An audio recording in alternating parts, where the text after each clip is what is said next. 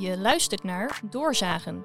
Hierin bespreekt co-bouwjournalist Thomas van Belzen een actueel item met één of meerdere gasten. Samen scheiden ze de fabels van de feiten, bouwen ze op en zagen ze door.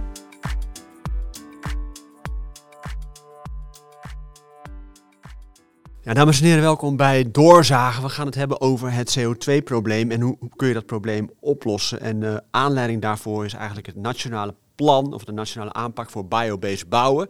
Klinkt hartstikke sympathiek natuurlijk. Meer bouwen met vlas en olifantgras en hennep. Maar toch is niet iedereen helemaal uh, enthousiast over de, die aanpak in ieder geval. Uh, dat geldt uh, voor Niels Ruiter, directeur van NVTB.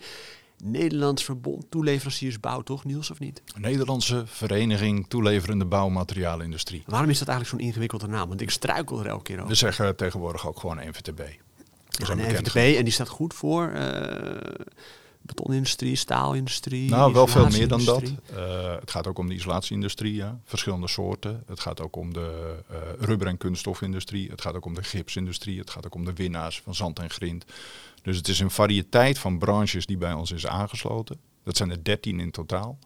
En uh, bij die 13 branches zijn natuurlijk uh, verschillende ondernemingen aangesloten. Allemaal met een ander soort bloedgroep of hoe je dat ook noemen wilt. Uh, zo'n 2000 zijn dat er bij elkaar. Goed voor zo'n 7 miljard omzet per jaar. Hoe, hoe zou je het willen omschrijven? Zijn partijen bij die, die, die, die zeggen de NVTB, die vertegenwoordigt vooral de, meer de fossiele industrie. klopt dat of niet? Nou, dat weet ik niet. Wat is fossiele industrie? Ja, meer dat je, dat je inderdaad stookt op, op, op oorspronkelijke fossiele uh, brandstoffen en minder misschien uh, minder milieuvriendelijk of zo. Nou, kom eens kijken, ja. zou ik zeggen. Nee, maar, maar voel je daar dan aangesproken dan? Of zeg je uh, van, nou, nou ja, bijna alle, of... bijna alle bedrijven in Nederland gebruiken ook nog fossiele energie.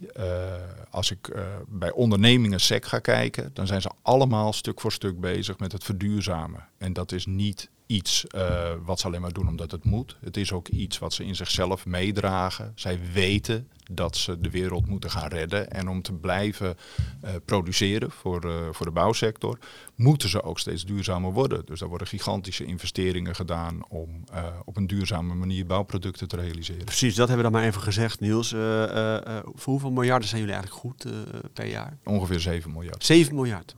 En hoe gaat het met, uh, met je achterban? Nou, gaat nu niet zo goed, eerlijk gezegd. Nee. Uh, we kijken een beetje een afgrond in. Uh, dus voor volgend jaar zijn de meeste ondernemingen die kijken naar min 20%, min 25% qua omzet. Dat zijn de verwachtingen. Ja, en voor de lange termijn, ik bedoel, ziet dat er al beter uit? Of hou je echt voor de hele vast, lange termijn uh... zitten we natuurlijk in Nederland in een situatie waarin we een gigantische opgave hebben. Zowel in de renovatie uh, als wat moeten we allemaal opknappen. Uh, ook in de verduurzaming van gebouwen, maar ook in het onderhoud van wegen en bruggen. Uh, daar is heel veel te doen. Ik sta elke dag sta ik, uh, stil bij een, uh, een brug. En daar zal ik overheen moeten blijven kunnen komen. En dat moet hersteld worden door Rijkswaterstaat. Nou, en dan hebben we het nog niet eens over de nieuwbouwopgave. Want wij hebben op de lange termijn nog steeds meer woningen nodig in Nederland. we worden steeds groter. er komen steeds meer kinderen bij ook. Ja, die opgaven zijn gigantisch. Het geldt eigenlijk ook voor het hele CO2-probleem. Ik bedoel, dat is het probleem. Dat, dat, dat, ja, dat, hoe kijk je tegen dat CO2-probleem aan eigenlijk? Nou, ik ben milieukundige van huis uit en analytisch chemicus, dus ik kijk er heel rationeel naar. Uh, wat gebeurt er? Er komen bepaalde gassen in de atmosfeer en die zorgen dat de atmosfeer opwarmt. En daardoor krijg je klimaatverandering en uh, dat is onwenselijk. Uh, dat is ook heel lastig om dat tegen te gaan. De beste manier om dat tegen te gaan is om minder CO2 uh, te gaan emitteren en te zorgen dat CO2 meer wordt opgenomen. Uh, zo kijk ik daar als milieukundige naar. Ja, nu in Den Haag zijn ze er ook een tijdje al mee bezig. Hè. Nu wordt er steeds vaker ook gezegd van in die bouwsector dan zou je dat kunnen oplossen door biobased te bouwen. Hè. Dus met uh, hennep en vlas en, en, en lisdollen bij wijze van spreken. Ja. Um, is dat een goede optie, eigenlijk optie biobased bouwen? Ja, dat is een hele goede optie. Er zijn ook heel veel ondernemingen zijn ermee bezig om daarop te investeren, op te innoveren en op te schalen. En je moet dan uh, goed in de gaten houden wat voor product heb je. Uh, wat voor levensduur heb je? Want je moet natuurlijk wel iets neerzetten wat voor de lange termijn ook duurzaam is. En uh, niet alleen voor de korte termijn. Tot nu toe gaat het nog hartstikke goed, Niels. Ik bedoel, eigenlijk zeg je biobased bouwen prima. Uh, maar er is een plan gepresenteerd onlangs.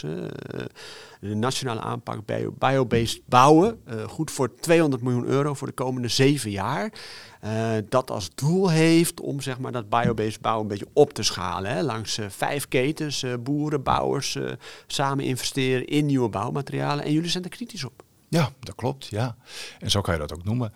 Um, de kritiek die is nogal genuanceerd. Dus het is goed om dat hier in 25 minuten te mogen toelichten. In plaats van in twee. Ja, soms 26 trouwens. soms 26. Nou, dat gaat de goede kant op. Ehm, en er zitten eigenlijk drie elementen in wat beter kan in zo'n aanpak. Het eerste wat er in zo'n aanpak naar voren komt, dat is eigenlijk dat er vanuit wordt gegaan dat biobased bouwen altijd beter bouwen is. En dat hoeft natuurlijk niet zo te zijn. Er zijn biobased bouwproducten die niet beter scoren op alle milieufacetten ten opzichte van een niet-biobased product. En dat is een nuance, die moeten we wel goed tussen de oren houden, omdat een heleboel personen, maar ook organisaties, simpelweg tussen de oren hebben. En de minister zegt dat ook. Hè? Als u hiermee bouwt, bouwt u altijd circulair. Dus men denkt dat is een autoriteit. Maar wanneer is het niet beter dan? Ik bedoel, want nou, er, zijn, er zijn gevallen waarin je een biobased product hebt met een kortere levensduur of een toepassing uh, buiten uh, die nat wordt. En dan moet je heel goed rekenen uh, wanneer je nu beter af bent. nog, we, gaan, we gaan zo in op die kritiek. Wat, wat is punt 2? Het, tweede punt is, uh, de nationale aanpak biobased bouwen is een ketenaanpak. En er wordt gekeken naar de agrarische sector, die moet gestimuleerd worden. Er wordt gekeken naar de bouwsector, daar moet men die nieuwe producten opleveren. En daar zit nog een uh, schakel tussenin. De verwerkers, de industrie, mijn achterban. En mijn achterban was niet betrokken bij het opstellen van dit plan. Anders had het plan er ook anders uitgezien. En hadden zij veel meer uh, in kunnen brengen uh, wat zij nodig zouden hebben bij het opschalen van uh, biobased. Oké, het is niet altijd beter. De industrie is niet bij betrokken, punt drie. En punt drie is dat door het niet betrekken van de industrie staan er ook gewoon foutjes in. En dat is heel erg jammer natuurlijk. er staan ook adviezen in die nou ja, niet echt passen bij iets wat de verwerkende industrie nodig heeft. En er staan richtingen in die niet helemaal kloppen. Nee, ik, ik heb die brief ook gelezen hè, aan het mhm. ministerie. Uh, en daar staat ook een beetje in van, um, het werkt ook polariserend, een hele biobased bouw. Ik bedoel, wat, ja. wat, is dat voor gevoel? Want het klinkt ook een beetje als van, wij van de NVDB uh, voelen ons gepasseerd. Een beetje Calimero-idee uh, krijg ik erbij, zeg maar. Nou, ik heb me nooit een Calimero gevoeld eigenlijk. Leuke serie trouwens. Um, ja, dat is van het kuikentje met ja. het uh, dingetje. Nee, maar dat was ik ben klein en dat is niet eerlijk. Maar jullie zijn super groot en, en dan maken jullie druk over 200 miljoen euro, zou je kunnen zeggen. Um, nou ja, wat wij natuurlijk vinden is dat dat geld goed besteed moet worden. En als je een keten uh, wilt helpen verbeteren, dan is het handig om die keten daarbij te betrekken. En dit is de gehele Rijksoverheid die hier gezamenlijk achter gaat staan. Want het is niet alleen het ministerie van BZK, maar ook economische zaken en ook uh, INW zijn hierbij betrokken. En wij denken dat wanneer je wilt innoveren, wanneer je investeringen wilt lostrekken en wanneer je wilt opschalen, dat je bedrijven daarbij nodig hebt. En als je die niet betrekt, ja, dan lukt dat natuurlijk niet. Maar dat polariserende effect, waar komt dat vandaan? Wie, wie heeft dat uh, volgens mij is dat de term die ook de Rijksoverheid gebruikt in uh, de aanpak. Uh, ze hebben het over het vervangen, het substitueren van traditionele materialen. Ja, en ik vraag me dan af, wat, wat zijn traditionele materialen nu eigenlijk? Maar er wordt eigenlijk gezegd in de nationale aanpak biobased bouwen, er zijn materialen en die moeten vervangen worden door andere materialen. Nou ja, maar is dat niet een beetje zo? Ik bedoel, cement en beton zou je toch gewoon willen vervangen? Eigenlijk zou je uh, materialen willen vervangen door duurzamer materialen. En dan heb je hem scherp, maar de vertaling hier uh, is meer, uh, je moet uh, staal en beton vervangen door biobased. En dat is niet genuanceerd. Maar ze zeggen toch niet van het is verboden om cement te gebruiken? Nee, dat toch... zeggen ze helemaal niet. Dat zou ook uh, niet goed zijn. Nee, daarom. Dus ik bedoel, de woningbouwopgave dit, dit is toch juist iets extra's daarnaast? Wat je feitelijk wil is dat je alle innovatie en alle uh, opschaling en interventies en investeringen die je nodig hebt, dat je die realiseert. En hiermee beperk je dat heel sterk. Want je zet eigenlijk de bouwketen op de gedachte dat je alleen maar materialen hoeft te vervangen door biobased materialen en dan ben je er. Maar daarmee zijn we er lang niet. Ja, dat heb ik niet gelezen in het plan, maar goed, dat is in ieder geval jullie punt. Ja. Uh, maar wie polariseert het dan? En dat is dan het ministerie of de ja, minister? dat is de Rijksoverheid zelf die dat doet. Die drijft dat op de spits. Die zet biobased materialen tegenover andere materialen en dat is niet, niet nodig. Want, want letterlijk staat er ergens over van je moet geen cement meer gebruiken dan of zo, of minder staal produceren. Ja, er moet minder of... van gebruikt worden, dat staat er. En in plaats daarvan moeten biobased materialen gebruikt worden. Nou, als ik in mijn achterbank kijk, dan uh, zijn al die afzonderlijke fabrikanten bezig om hun uh, footprint te verkleinen. Daar gaan we het zo over hebben. Uh, jij zegt het is dus niet altijd beter. Ik bedoel, nee. Wanneer is het wel beter? Oh, in, in veel gevallen als je droge toepassingen hebt, hè, vooral droog. En dan uh, een, een, functie die vervuld kan worden, uh, waarbij je ook aan alle andere eisen uit het bouwbesluit voldoet. En waarbij dan uh, blijkt uit de berekeningen dat je een lagere milieubelasting hebt. Precies wat ik Jan-Willem van de Groep, die ken je natuurlijk ook wel gesproken. Ja. Dat is een, echt een kaarttrekker, aanjager van dit programma eigenlijk. Hè. Dus als het polariseren al is, dan begint het misschien wel bij hem. Of, of, of hebben jullie wel een goede relatie onderling? Uh, ik kom Jan Willem niet zo vaak tegen. Nee, maar hij, hij zegt juist, we hebben uh, vijf ketens bewust gekozen hè, die juist heel kansrijk zijn. Dus dat zijn juist de snelgroeiers, hè, hennep, uh, olifantsgras. Dat zijn juist de, de, de, de planten die snel dat CO2 kunnen opvangen. Waarbij je juist ook succesvolle business cases kunt creëren. Dus dat zijn niet, dus niet alle exoten hebben ze erbij betrokken, maar mm -hmm. juist een aantal vijf. Dus dat zou juist toch, toch juist toch goed moeten zijn. Ja, en voor de agrarische industrie zal dat zeker op geld doen. Maar de verwerkers daarvan, die zijn hier niet bij betrokken geweest. Nee, Oké, okay, dat is punt 2. Maar goed, dat, dat gaat voorbij aan punt 1. Maar punt 2 zegt niet bij betrokken. In, in, in hoeverre is dat verwijtbaar, zeg maar? Nou, als je Rijksoverheid bent, uh, dan ken je deze ondernemingen wel. We hebben er ook vijf genoemd in deze brief uh, als voorbeeld. Um, die waren ook allemaal bekend bij de verschillende departementen. Inderdaad, die kennen we. En als die bezig zijn met grote investeringen op dit vlak en innovaties, dan is het, nou ja, niet optimaal om ze niet te betrekken. Precies, en nu verschijnt deze brief zeg maar een week nadat het programma is gelanceerd. Ik bedoel, hebben jullie ook al eerder aan de bel getrokken of niet? Want het is al langer duidelijk dat, dit, dat er een plan zou komen. Ja, en uh, wij zijn daar ook over gebeld. Uh, ook zelfs NVTB die is daarover gebeld. Mag ik ondernemingen uit jullie achterban daarvoor bellen? Ja, dat is prima. Die kan je, die kan je, kan je gewoon opbellen. De telefoonnummers staan op de websites. En dat is niet gebeurd? Dat is niet gebeurd. En dan ben jij boos, teleurgesteld, verdrietig? Nou, uh, vooral verbaasd. Uh, dit is een beetje geldwegsmijterij. Het is zonde om een programma op te zetten voor een keten waarin je verschillende schakels wilt meenemen en je vergeet een van die schakels. Ja, dan kan je niet aan de ketting trekken. Precies. Nou ja, Oké, okay. nou ja, het is natuurlijk nog niet afgelopen. We hebben net begonnen. Hè? Het zaadje is net geplant ja, biobased bouw. Dus in die zin, ik bedoel, heeft het misschien ook nog wel effect ook. Uh, uh, jij zegt er zijn foutjes in het programma. Wat zijn foutjes? Nou, er staat bijvoorbeeld een advies in dat er uh, bouwkundige details gemaakt moeten worden. Dat er ondersteuning noodzakelijk is bij certificering. Ja, daar wordt een klein beetje omgelachen in de bouwmateriaalindustrie. Als er nou iets niet nodig is, dan is het wel ondersteuning daarbij.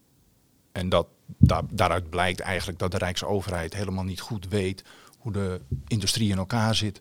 Dat ze niet goed weten welke kennis er in de industrie aanwezig is als ze met dat soort adviezen komen. En je kunt toch niet ontkennen, Niels, want ik ga ook al een tijdje mee in deze sector. Dat, dat op het moment dat jij nieuwe producten hebt, of, of misschien nieuwe biobased producten op de markt mm -hmm. wil brengen, dat juist die garantiestellingen, dat daar juist onwijs veel geld mee gemoeid is. Op de eerste plaats, veel tijd.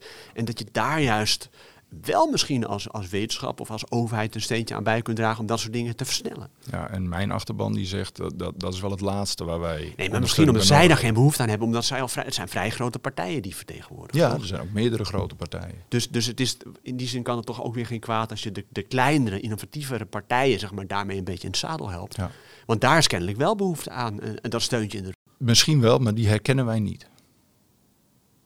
Uit onze achterban blijkt dat niet. Ook niet bij kleinere partijen. Moet je niet, waarom, waarom ben je niet gewoon blij met 200 miljoen euro zeg maar, voor de sector, een bouwsector die het be best wel lastig heeft, die moet vernieuwen, die, die, die dat CO2-probleem moet aanpakken. Waarom ben je niet gewoon nou, een beetje blij, zeg maar? We, ik, ik ben niet, uh, ik heb nooit gezegd dat ik niet blij was natuurlijk. Je kijkt ook vrij blij hoor, dat, dat, is het niet. Uh, dat is het helemaal niet. Ja, op de radio is dat lastig te zien natuurlijk, of ik wel blij kijk. Um, ik, wij zijn hier op zich wel blij mee, maar wij denken dat dit een stukken beter had gekund. En het is met name dat polariserende, wat eigenlijk steeds doorgaat, steeds verder wordt gevoerd. Je bent of voor biobased of tegen. Ja, uh, zo zit de wereld helemaal niet in elkaar.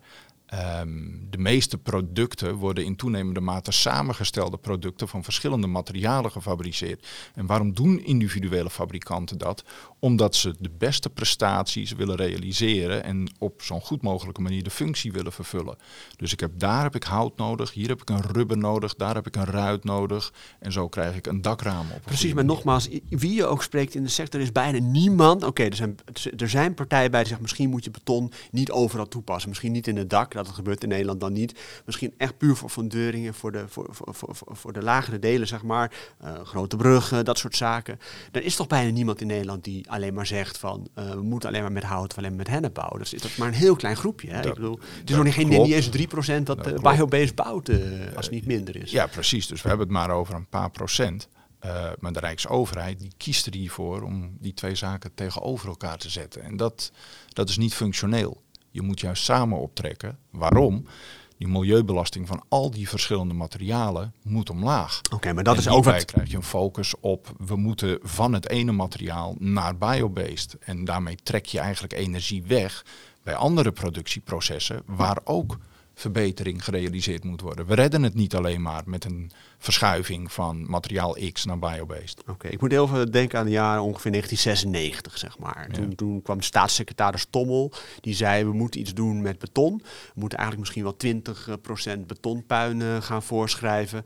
En toen kwam de betonindustrie, maar ook Elko Brinkman van Bouw Nederland in, in verweer van dat moet je niet doen, want dat is oneerlijk. Want dan ga je alleen maar beton afstraffen en dan kijk je niet naar de andere materialen. Mhm. Mm -hmm. Dat gevoel, is dat, is dat een beetje een vergelijkbare discussie die dan nu is of niet? Ja, en het beleid wat onder Tommel begonnen is op dat vlak, dat heeft ook geleid tot een hele genuanceerde aanpak. En die staat eigenlijk naast deze nationale aanpak biobased bouwen. Ja, maar dat is die MPG.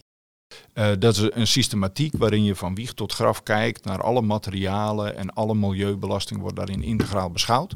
En dat moet leiden tot een lagere milieubelasting van bouwwerk. Ja, maar we daar zijn nu eis aangesteld en die wordt telkens aangescherpt. Per 1 januari 2025 wordt die weer aangescherpt. Dus de milieubelasting die gaat gaandeweg steeds verder omlaag. Precies, maar gaat die ook omlaag? Want we zijn nu 30 jaar verder, hè, bijna 30 jaar verder, 1996, 2024.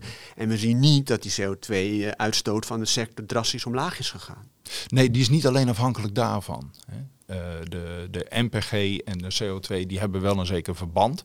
Uh, maar er zijn veel meer CO2-bronnen. Het gebruik van gebouwen bijvoorbeeld, dat is een van de grootste CO2-bronnen van Nederland.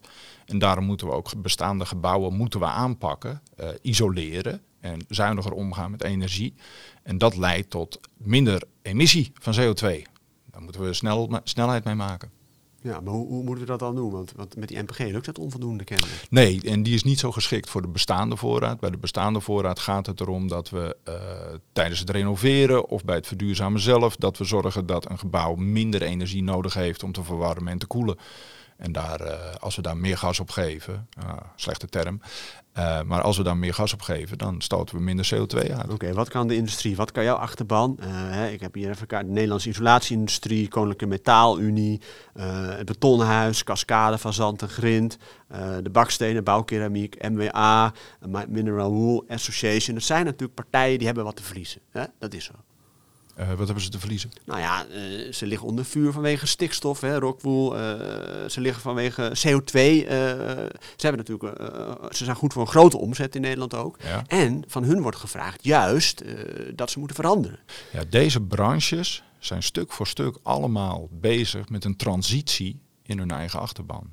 Stuk voor stuk zijn ze bezig met investeringsplannen. Sommigen hebben dat ook al gerealiseerd. Hoe kunnen wij de productie schoner krijgen? Hoe kunnen we het milieuvriendelijker krijgen? Hoe kunnen we onze stikstofuitstoot omlaag krijgen? En dat wordt gestimuleerd door de NPG-eis. Het moet ook, want anders dan kan er straks niet meer gebouwd worden met product X of Y. Dat geldt dan voor individuele ondernemingen. Die worden gestimuleerd. En de branches, die hebben allemaal nou, task uh, groups of uh, akkoorden, gesloten met de Rijksoverheid vaak, gesloten met opdrachtgevers of gehele ketens, om de milieubelasting maar omlaag te brengen. En dat varieert van de gipsindustrie tot de staalindustrie, tot de rubber- en kunststoffenindustrie. Stuk voor stuk is duurzaamheid is, uh, top of mind. Maar dat is hartstikke goed, maar wat, wat, wat, wat, wat, wat levert dat op? Dat levert CO2-emissiereductie op. Hoeveel? Hoeveel? Nou, voor de hele industrie is het in Nederland 48,2% gedaald sinds 1990. 48,2%. Ja. En daarmee zitten we dus al bijna aan de doelstelling die we in 2030 willen bereiken. Maar, maar, maar, maar, maar kijk, luister je naar de Nibes van deze wereld, want het, wordt zo'n getallenshow, maar die, die geven aan van binnen vijf jaar zijn we door ons CO2-budget op. Ik bedoel, als we zo blijven bouwen zoals we nu bouwen, uh, nog een keer Jan-Willem van de Groep zegt, stop maar gewoon met staal en met beton, want we gaan het niet redden. Als Nou we ja. niet drastisch daar iets mee gaan doen, dan... eh, Er zijn natuurlijk ook mensen die, die liever niet zien dat er gebouwd wordt. Eh, maar als je kijkt naar de bouwopgave die we hebben, als we die willen realiseren, dan moeten we dat realiseren met een lagere CO2-emissie. Eh, daar wordt ook hard aan gewerkt door individuele ondernemingen en branches. Eh, ik denk ook dat dat de goede kant op gaat. Ik denk ook dat de Rijksoverheid haalbare doelstellingen heeft geformuleerd. Ja, maar het betonakkoord of het staalakkoord, dat zijn natuurlijk hartstikke goede akkoorden. En ik weet dat er ook hard aan wordt gewerkt. Maar kijk je puntje bij paaltje als er wordt gevraagd om dwingende eisen op, op het gebied van aanbestedingen, Rijkswaterstaat bijvoorbeeld, blijft dat uit en blijft ook daardoor zichtbaar het resultaat daarvan uit. Ja, dat klopt. Eh, er is wat versnippering op dat vlak. Van de aanbestedingen is ongeveer 50% is duurzaam. En dat betekent niet altijd dat dat ook een gerichte prikkel is richting bijvoorbeeld de eh, cement- en betonindustrie. Dat kan heel gevarieerd kan dat uitpakken. Maar Rijkswaterstaat doet ook uitvragen waarbij ze specifiek een eis stellen aan het beton dat hier wordt toegepast. Dat mag niet meer dan zo en zoveel CO2 hebben uitgestoten alvorens het wordt eh, opgenomen in het werk. Is het goed Dus dat er dan eisen er komen? Maar is het goed dat er dan eisen komen bij de Rijkswaterstaat ook dat, dat zij inderdaad gaan verplichten dat je zoveel duurzaam beton moet gebruiken? Daar is, eh, zijn ze nu al mee bezig. En dat is het departement van INW. Eh, die zijn bezig om de systematiek die we kennen voor de BNU, om die geschikt te maken voor de grondweg- en watersector. En daarbij krijg je dus een afrekenbaar model op basis van feiten, op basis van cijfers, op basis van Europese normen.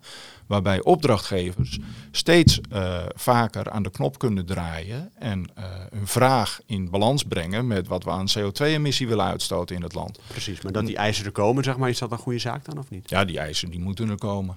Ja. Wat zou je nog meer kunnen doen? Zouden er ook op, op, op zijn nog andere wegen die zeg maar naar Rome leiden of naar Parijs, hè, beter gezegd? Ja, de, de systemen die zijn heel erg ingewikkeld in Nederland. En waar we bijvoorbeeld tegenaan lopen is dat eh, het elektrificeren van processen, van productieprocessen, dat leidt tot CO2-emissiereductie. Eh, naast de reductie van CO2 in de eigen processen, proces-eigen emissies. Ehm, maar het elektrificeren gaat heel erg langzaam. En eh, de netbeheerders die zijn ermee bezig om dat uit te leggen. De kranten staan er ook vol mee. En dat eh, blijkt te komen doordat eh, de autoriteit Consument en Markt te lang beperkend is geweest voor netbeheerders om hierop te kunnen investeren. Dus nu wordt er een inhaalslag gemaakt. Maar in mijn achterban staan ze te popelen om een grotere elektriciteitsaansluiting te krijgen. En dat is maar mondjesmaat beschikbaar. En dan zie je dus dat alleen al door onze eigen regels in het land kunnen wij de duurzaamheid niet versnellen. Nou zijn er ondernemers in mijn achterban die eh, zeggen dan, eh, ik zet zelf wel een, eh, een vergister neer, een biovergister of een windmolen.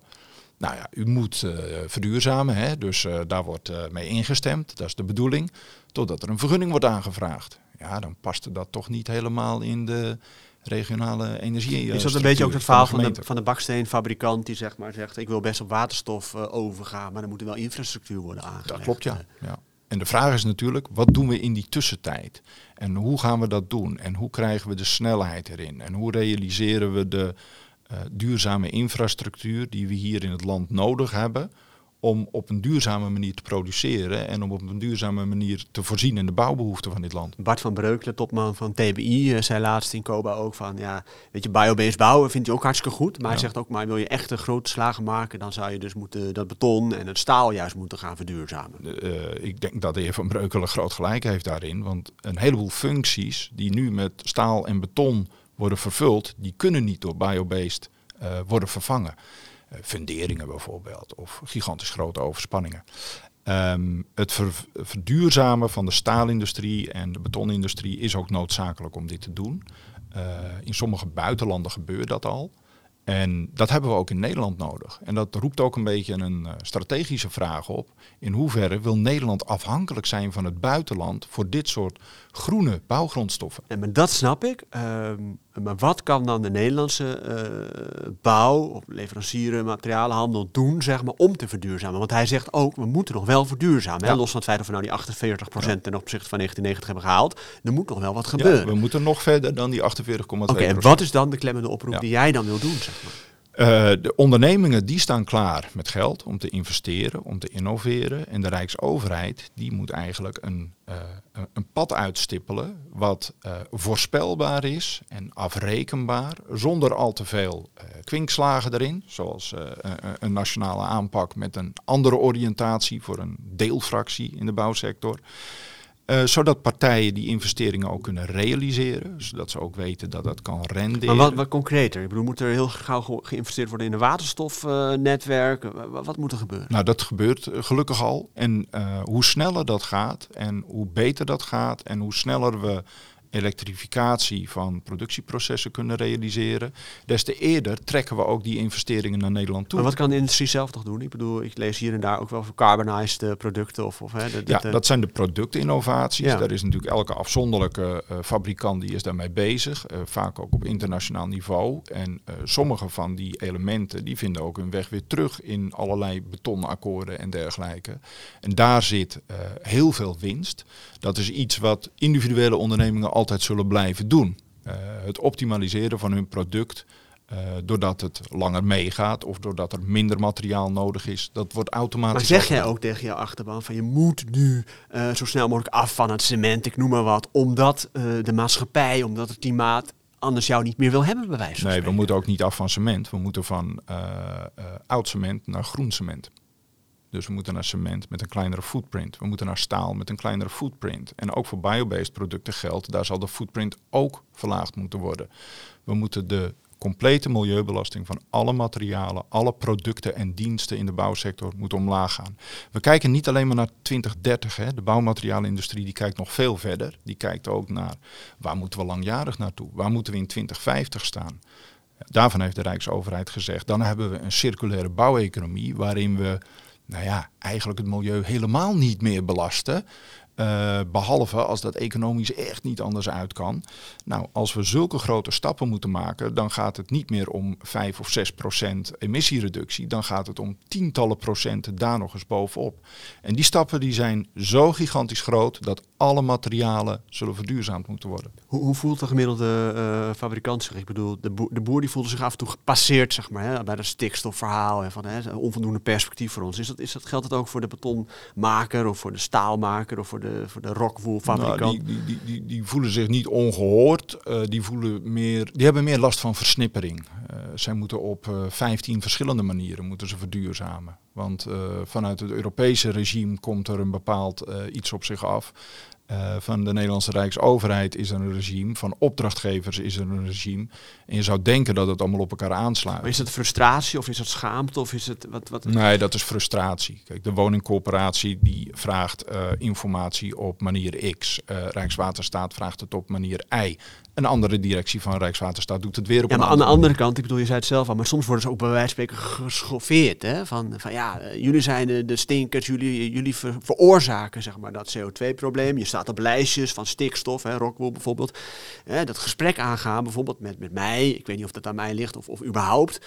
Uh, vinden ze ook moeilijk. Weet je? Het, is een soort, het lijkt wel alsof ze zich dan een beetje terugtrekken of zo. Ja, dat weet ik niet. Dat moet je even aan Rockwool vragen dan. Ik kan niet voor individuele partijen spreken. Maar voelen ze zich zeg maar in dat hoekje, in het verdomme hoekje gedrukt? Of?